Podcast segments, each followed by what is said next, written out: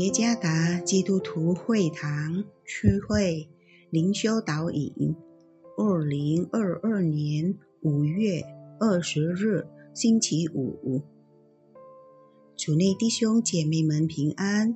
今天的灵修导引，我们要借着圣经彼得前书第一章十八节来思想今天的主题：基督宝血的力量。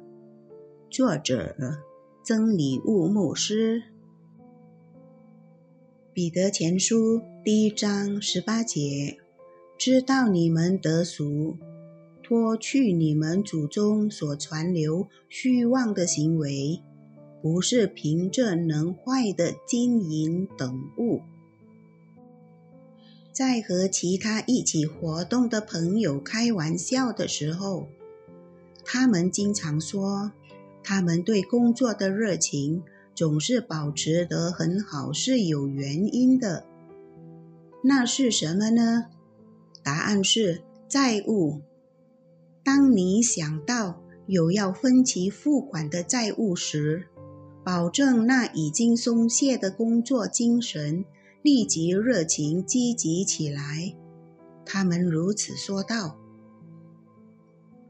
信徒也有理由使他们永远不会失去活在真理和兄弟相爱中的热情。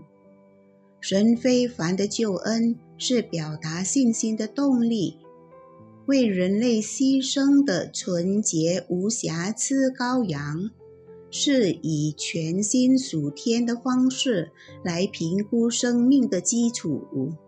荣耀的盼望。是会众在生活中顺服神的激励。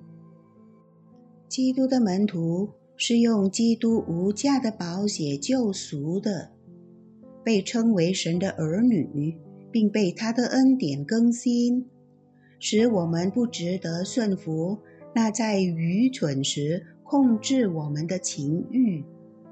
神为我们所做的救赎工作。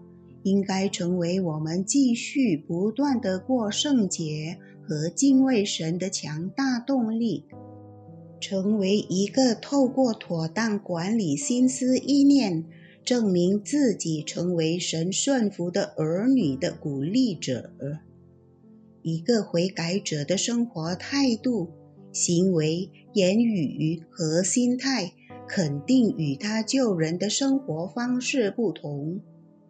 如再次将自己陷于罪恶中，就等于侮辱、否认和浪费基督的赎罪工作。